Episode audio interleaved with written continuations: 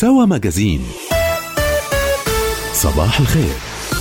تحية صباحية لكم مستمعين أينما كنتم وأهلا بكم إلى حلقة جديدة من سوا ماجازين تقدمها رانيا أبو حسن وفيها إدلب على شفير كارثة إنسانية فرصة عمل في تويتر وإيطاليا في مرمى العقوبات. أهلا بكم من جديد. إدلب السورية بين مطرقة القصف وسندان حرمانها من المساعدات. آلاف العائلات تعاني من قصف قوات النظام السوري وروسيا منذ أسابيع لمناطق في هذه المحافظة الواقعة شمال غرب سوريا. والآن بات شبح الجوع والعطش يتهددهم بعد تعليق الأمم المتحدة العمليات الإنسانية. ماذا يجري في إدلب؟ يعيش سكان محافظة إدلب السورية أوضاعا مأساوية نتيجة قصف القوات السورية والروسية التي عمقت الأزمة في هذه المنطقة. أضيف إليها قرار الأمم المتحدة تعليق العمليات الإنسانية بسبب الحرب ضد الفصائل المسلحة في المنطقة. كما قالت أرسولا مولر مساعدة الأمين العام للأمم المتحدة للشؤون الإنسانية. Further military operations will overwhelm all ability to respond. إن مزيدا من العمليات العسكرية سيعيق كل القدرة على الاستجابة ويشكل العديد من شركائنا العاملين في المجال الإنساني جزءا من المتضررين وقد تعرضوا هم أنفسهم للتهجير ونتيجة لذلك فقد تم تعليق العمليات الإنسانية في العديد من المناطق التي تحتدم فيها الأعمال العدائية. إلا أن رائد صالح رئيس منظمة الخوذ البيضاء انتقد قرار الأمم المتحدة. أنا بستغرب من الأمم المتحدة إنه تعلق مساعداتها بظل إنه الناس هي بأشد الحاجة للمساعدات. يعني إحنا اليوم عم نحكي عن 350 ألف نسمه تحت الأنقاض تحت أشجار الزيتون. لا في مأوى لا في حرام لا في بطانية ما في أي نوع من المساعدات تقدم. بنفس الوقت اللي هي الأمم المتحدة اليوم عم تفتخر إنها عم توزع مساعدات بريف دمشق للميليشيات الشيعية اللي هي عم تساند النظام بحربه ضد الشعب السوري في المقابل كررت روسيا خلال جلسة لمجلس الأمن حول الأوضاع الإنسانية في سوريا انتقادها انتشار نفوذ ما يعرف بهيئة تحرير الشام في إدلب وقال نائب وزير الخارجية الروسي سيرجي فيرشينين боевики геют تحرير الشام إن مقاتلي هيئة تحرير الشام المرتبطة بتنظيم القاعدة يرهبون المدنيين ويستخدمونهم دروعا بشرية. ويستخدمون البنية التحتية المدنية لأغراض عسكرية. بالتالي هذه المجموعة إرهابية بحسب تصنيف اتفاق أستنا الذي تم بين الحكومة السورية ومعارضين. لكن رائد صالح استغرب الموقف الروسي ومعاقبة المدنيين في منطقة تتواجد فيها مجموعات إرهابية منذ أكثر من ثلاث سنوات. أعتقد هذا الكلام كاذب يعني لا وجود وجود هيئة تحرير الشام بمنطقة إدلب هي ما كانت عامل معيق ولا أصلا في القانون الدولي الإنساني لا يمكن أن نوقف المساعدات بسبب سيطرة تنظيم معين. يعني في ظل سيطرة تنظيم داعش على المناطق الشرقية كان من سوريا ب 2013 و 2014 كانت الأمم المتحدة توزع مساعدات في المناطق التي تحت سيطرة داعش للمدنيين المحتاجين. اليوم نحن في محافظة إدلب يوجد 3 ملايين نسمي يقيمون في المحافظة. هل يعقل أن يتم عقاب 3 ملايين نسمي؟ ومن من يعيق وصول المساعدات هو النظام السوري. أما مندوب سوريا الدائم لدى الأمم المتحدة بشار الجعفري فقد كشف عن اجتماع قال إن الاستخبارات التركية نظمته في إدلب بحضور جبهة النصرة وتنظيمات أخرى موثقا كلامه بصورة. هذه صورة قادة التنظيمات الإرهابية الذين اجتمعوا في إدلب قبل يومين برعاية الاستخبارات التركية. يقود الاجتماع رئيس جبهة النصرة الإرهابي الجولاني. ومعه تنظيمات إرهابية أخرى ترعاها الحكومة التركية وبعض الدول في هذا المجلس. المهم في الأمر أن بعض من هم في الصورة بعض من هم في الصورة ويجلسون مع جبهة النصرة التي تسيطر على 99% من إدلب بعضهم حضر أستانا يعني بعضهم ملزم بعدم القتال إلى جانب جبهة النصرة ضد الدولة السورية وحلفائها. تتعمق معاناة المدنيين في إدلب وجوارها نتيجة استمرار القصف الذي بدأ أواخر نيسان أبريل الماضي وشمل مناطق مشمولة باتفاق خفض التصعيد. سوى اقتصاد طالبت المفوضية الأوروبية الحكومة الإيطالية بتوضيحات بشأن تدهور ماليتها العامة وهي المرحلة التي تسبق فرض عقوبات وقد علم بأن دين روما تجاوز وثلاثين بالمئة من إجمالي الناتج الداخلي بعيدا جدا عن عتبة الستين بالمئة التي تحددها المعايير الأوروبية. ومن المفترض أن توصي المفوضية في الخامس من حزيران يونيو ببدء إجراء يتعلق بوجود عجز مفرط كما سبق أن فعلت نهاية العام الماضي وهو ما يمكن أن يؤدي في نهاية المطاف إلى عقوبات. وكان نائب رئيس الحكومة الإيطالية توقع أن تعاقب بروكسل بلاده بما قيمته ثلاثة مليارات يورو. ويحتاج بدء إجراء العجز المفرط إلى موافقة وزراء مالية دول الاتحاد الأوروبي في تموز يوليو. قاموس خاص لتعليم لغة الإشارة. هذا ما استطاع إنجازه أحد مراكز مساعدة الصم والبكم في مدينة النجف العراقية. القاموس يتألف من مئات الكلمات ويعد فرصة لمن يعانون تلك الإعاقة مع أهاليهم للتواصل معا بسهولة ويسر. زيارة إلى المركز وتفاصيل أكثر عن القاموس في هذا التقرير. أم أب أب كلمة حتى الآن ها هو باسم العطواني خبير الإشارة ومدير مركز الإمام الحسين التخصصي للصم يقف داخل إحدى غرف المركز أمام عدد من الأشخاص الذين جاءوا إلى هنا لتعلم الإشارات والكلمات التي يضمها القاموس الذي ابتكره العاملون في المركز. عزيمة وإصرار على فنجان القهوة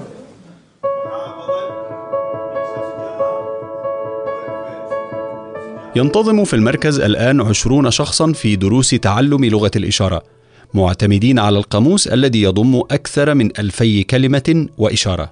إحنا أخذنا على عاتقنا من خلال المركز إنه نألف هذا القاموس حتى يكون ركيزه اساسيه إن إحنا كمترجمين وكذلك إلى الأخوة الصم حتى يعني يتم معرفتهم بالأمور الحياتية اللي تمر بهم من خلال آه، معايشتهم مع أسرهم مع آه، يعني كافة الأمور في دوائر الدولة في كل الأمور.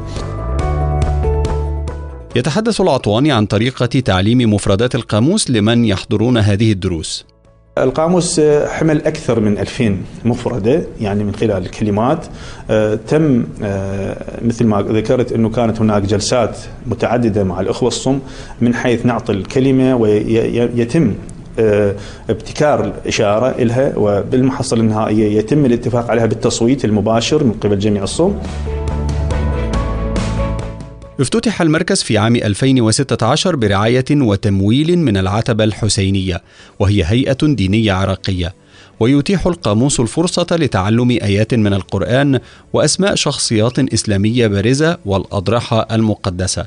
وصار المركز بالنسبة لهذه السيدة التي تدعى بشرى عادل طوق نجاة للتعامل مع أطفالها الثلاثة الذين ولدوا فاقدين حاسة السمع وأعمارهم الآن تتراوح بين ثمانية واثني عشر عاما. كنت صعوبة أتعامل وأولادي. إشارتهم بدائية في البدائية ما ما يعني ما أقدر أوصلهم المعلومات اللي أقدر. هم هم كان عندهم شوية شلون عزال ما يقدرون يندمجون بالمجتمع حتى يعني ما يقدرون يأشرون وياي. يعني حتى عندهم فد كلام داخلهم ما يقدرون يعبرون.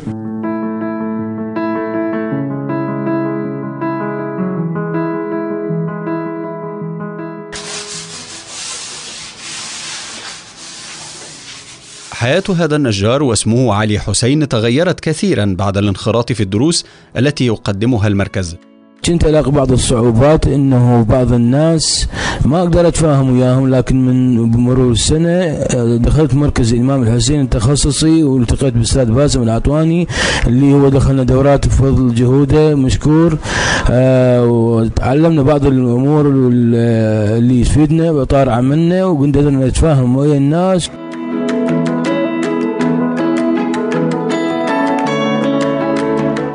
فلاح صلال رئيس جمعية أور للصم والبكم جاء إلى المركز بعد أن تحمس كثيرا لفكرته. كنا أنه هاي الدورات نفتقدها ونفتقد أنه المعلومات اللي كانت خافية علينا صراحة وكنا نتألم ونحزن أنه هذه الدورات يعني ما ما قامت بذاك الفترة اللي كنا محتاجينها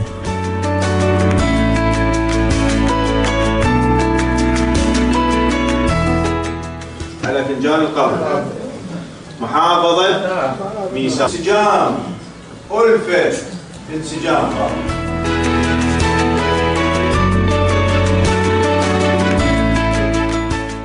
الجهود التي يقوم بها المركز والقاموس الذي وضعه يقدم بارقة أمل لكل من يعاني هذه الإعاقة وذويهم لا سيما أن ذوي الاحتياجات الخاصة يتوقون لمثل هذه المبادرات في الدول التي تعاني من مشكلات عديدة علاوة على قلة المشروعات التي تخدم هذه الفئة من المواطنين. سوى رياضة بلغ الإسباني رافائيل نادال المصنف ثانيا وحامل اللقب الدور الثالث من بطولة رولان جاروس الفرنسية ثانية البطولات الأربعة الكبرى في كرة المضرب. وذلك بفوز سهل ومهم على الألماني يانيك مادن فيما واجه اليوناني ستيفان سيتيباس مهمة معقدة قبل التغلب على البوليفي هوغو ديليان. ولم يواجه نادال أي صعوبة تذكر في مواجهة الألماني الصاعد من التصفيات ولم يسمح له بإحراز أكثر من سبعة أشواط في المجموعات الثلاث. ويلتقي نادال في الدور المقبل مع البلجيكي ديفيد غوفن. والآن مع أهم الأخبار والموضوعات التي شغلت مواقع التواصل الاجتماعي والمواقع الإلكترونية. عمدة طهران السابق قاتل مدلل. عنوان على موقع الحرة في التفاصيل أن عمدة طهران السابق محمد علي نجفي اعترف بقتل زوجته عن طريق الخطأ كما قال في منزلها شمال المدينة. ووقع الحادث الثلاثاء وفي البداية لم تعلن أي تفاصيل بشأن هذا الحادث لكن بعد ساعات أعلن أو أعلن أن نجفي الذي شغل أيضا منصب مستشار رئيس الجمهورية حسن روحاني سلم نفسه للشرطة بعد أن اختفى لنحو سبع ساعات عقب الجريمة. ونشرت صحف محلية عدة روايات للحادثة. لكن المؤكد أن الجريمة حدثت بواسطة مسدس وفقا للنجفي الذي قال إنه كان يريد فقط تخويف زوجته لكن بطريقة ما أطلق النار خمس مرات فأصابت رصاصتان الضحية إحداها اخترقت قلبها. كما أنه ليس من الواضح ما إذا كان النجفي قد سلم نفسه أو اعتقل بالقرب من مكتب التحقيقات الإيراني في وسط طهران وأوردت تقارير إعلامية روايات مختلفة. إذ يقول البعض أن نجفي ذهب إلى قم للتشاور مع كبار رجال الدين قبل تسليم نفسه. لكن الجزء الأكثر إثارة للاهتمام من القصة هو كيفية تعامل وسائل الإعلام المحلية مع القضية. فقد قدمت القناة الإخبارية التابعة للتلفزيون الحكومي الإيراني تغطية واسعة النطاق وبثا مباشرا من مقر الشرطة الذي يحقق مع النجفي وظهر في مقطع فيديو النجفي يعني وهو يرتدي ملابس أنيقة ويشرب الشاي مع قائد الشرطة بينما يقوم مراسل تلفزيوني حكومي بإفراغ السلاح الذي نفذت به الجريمة ويعد الرصاصات ويشرح جريمة القتل بتفاصيل دراماتيكية. أما نجفي فكان يراقب بهدوء. أعلنت شركة تويتر عن وظيفة كبير المغردين في مقر الشركة بمدنها في سان فرانسيسكو، نيويورك أو أي من مكاتبها في الولايات المتحدة. واكتفت الشركة في وصف المؤهلات للشخص المطلوب للوظيفة بعبارة ليست قصة عويصة كما ستطلب تويتر من الشخص سرد قصة الهدف من وراء تويتر والابتكارات ضمن منتجاتها. وبالتأكيد يجب أن يكون المتقدم على فهم عميق بثقافة تويتر. وبدأ المستخدمون بنشر التغريدات عن رغبتهم بالحصول على الوظيفة وقالت إحدى المستخدمات أقضي وقتي هنا دون مقابل فلا أمانع تقاضي المال من أجل هذا. في رمضان يتغير نظامنا الغذائي والتغيير لا شك يؤثر على جوانب مختلفة من الحياة. قد يتخلى البعض خلال رمضان عن الرياضة وهذا خطأ كبير. فالصيام في نهاية المطاف نظام صحي والامتناع عن الرياضة خلال الصيام أمر غير مبرر بل على العكس. يمكننا بسهولة أن نستمر بالتمارين والحفاظ على لياقتنا البدنية والذهنية. اليوم تتحدث رزان نصرية مع ضيف سوا مجازين دكتور مصطفى ساري عن الوقت المثالي لممارسة الرياضة خلال رمضان.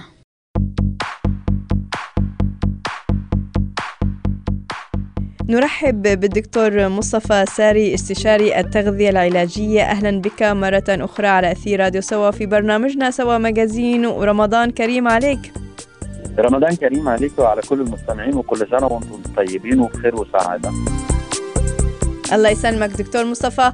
نريد أن نعرف بداية الفوائد العامة للصيام. طبعا صوموا تصحوا وبشكل مكثف لو سمحت. الصيام عموما هو فترة راحة لجسمنا.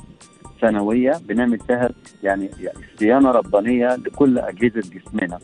لراحة الأجهزة المختلفة وأعضاء جسمنا المختلفة الجهاز الهضمي زي البنكرياس زي الكلى زي الكبد. بنريح كل أجهزة جسمنا وبنتخلص من الشوارد الحرة والشوائب وال آه والسموم اللي دخلت جسمنا طول السنة. فبنوفر الطاقة. اللي هي بتشتغل بها الأجهزة اللي هي مستريحة ديت للتخلص من الخلايا اللي شاشت وتعبت والتخلص من السموم الزيادة للجسم دكتور مصطفى اليوم سنتحدث معك على موضوع ممارسة الرياضة خلال شهر رمضان. ما هو الوقت الصحيح لممارسة الرياضة أثناء الصيام؟ بصي هو في جزئيتين لممارسة الرياضة. أولا يعني هو شهر رمضان إحنا يعني ربنا أحللنا الصيام عشان نعيش حياتنا عادي مش عشان إن إحنا يعني نصوم وننام وما نعملش أي حاجة. نمارس الحياة اليومية العادية. ممارسة الحياة اليومية العادية دي نوع من أنواع الرياضة. أما الرياضة العنيفة أو الرياضة اللي بنلعبها لهدف معين إحنا عايزينه لجسمنا سواء كان لياقة أو سواء كان لانقاص وزن أو سواء كان للحفاظ على اللياقة البدنية بتاعتنا واللياقة الذهنية فأحسن توقيت لعمل الرياضة بصفة عامة هو بعد الفطار بساعتين.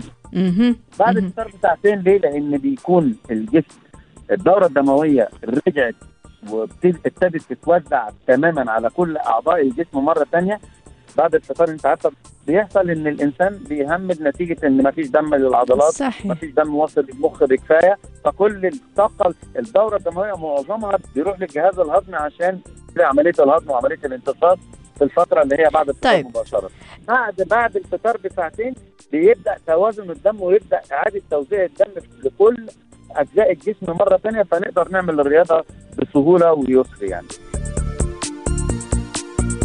يعني الرياضيون يعني هناك رياضيون يخصصون وقت أكثر للرياضة ويعني ورياضيين بروفيشنال مثل ما بيقولوا هل هؤلاء يعني يجب أن يتناولوا وجبات معينة أثناء الإفطار والسحور؟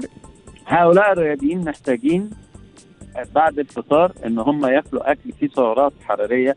إحنا مش هنتكلم على انقاص وزن إحنا هنتكلم على الرياضيين اللي بيعملوا رياضة بشكل عنيف أو عشان يبتدوا يبنوا عضلاتهم. اللي تمام. بيبني عضلاته بيعتمد بيعتمد مني. بنزود نسبة البروتين. نص الطبق هيبقى بروتين ونص الطبق الثاني هيبقى عبارة عن كربوهيدرات. الكربوهيدرات دي عبارة عن إيه؟ سلطة وخضار ونشويات حاجة من اللي هو بيحبها. الناس اللي هي عايزة تنقص وزنها وبتعمل رياضة برضه وعايزه تعرف هي بتفطر إيه بتسحر إيه. هنقول إن هو هنعكس بقى. هيبقى نسبة البروتين للناس اللي عايزة تنقص وزنها 80% ونسبة الكربوهيدرات 20% جميل. وبين الوجبات بين الوجبات بيفضل للرياضيين إن هو يتناولوا كمية كبيرة من الفواكه لأن بتبقى فيها الفيتامينات والمعادن والأملاح المعدنية اللي الجسم بيحتاجها وبيفقدها نتيجة ممارسة الرياضة. تماما. الشكر جزيل لكم دكتور مصطفى ساري استشاري التغذية العلاجية على هذه المعلومات القيمة ووجودك معنا بسوا مجازين كل سنة وأنتم طيبين ورمضان كريم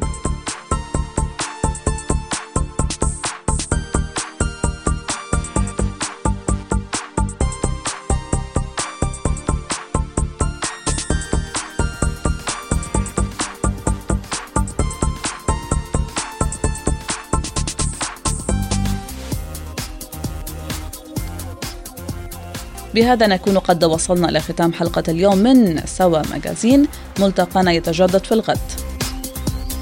قدمنا لكم سوا مجازين